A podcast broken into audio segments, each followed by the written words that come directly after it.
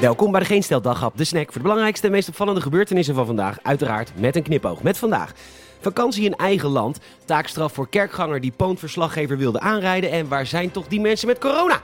Mijn naam Peter Bouwman, de dag dinsdag 3 augustus.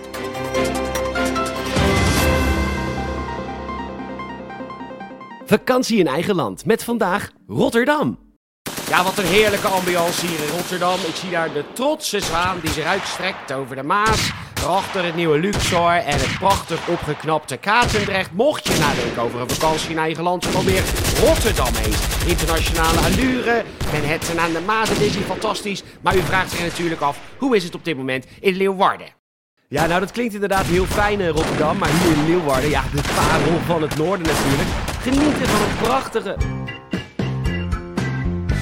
Om overlast van hangjongeren tegen te gaan, gaat de gemeente Rotterdam 17 nieuwe mosquito's plaatsen. Deze apparaten maken een irritant geluid, maar die is alleen te horen door mensen jonger dan 25 jaar oud. Onze verslaggever is in Rotterdam, zelf ouder dan 25, en hij controleert of die dingen inderdaad niet hoorbaar zijn. Ja, nee, dankjewel. Um, ik, ik ben goed aan het luisteren, maar... Ja, nee, ja, nee, ik hoor ze echt helemaal niet. Nee, nee, ze zijn niet te horen. Fantastisch. De SP in Gennep is Anita Jansen zat. Ze sliep namelijk tijdens een online raadsvergadering. Volgens Hans Frens, voorzitter van de SP-fractie al daar, was alleen de kat zichtbaar en hij doet zijn beklag bij Editie NL. Het vertrouwen in de mevrouw is opgezegd, want het is godverdomme niet de eerste keer dat haar kat in beeld was. Er zouden volgens de beste man soortgelijke gevallen eerder zijn voorgevallen. Twee keer een hond, drie keer een papegaai, een panda, want god wat hebben we er daar veel van. Anita Jansen zelf is niet bereikbaar voor commentaar. Die slaapt even bij na talloze doodzaaie SP-vergaderingen.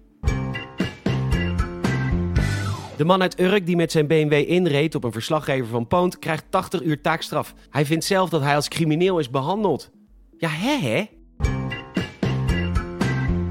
Nu.nl meldt dat het UMC in Utrecht nog steeds vrijwilligers zoekt voor het testen van een nieuw coronamedicijn.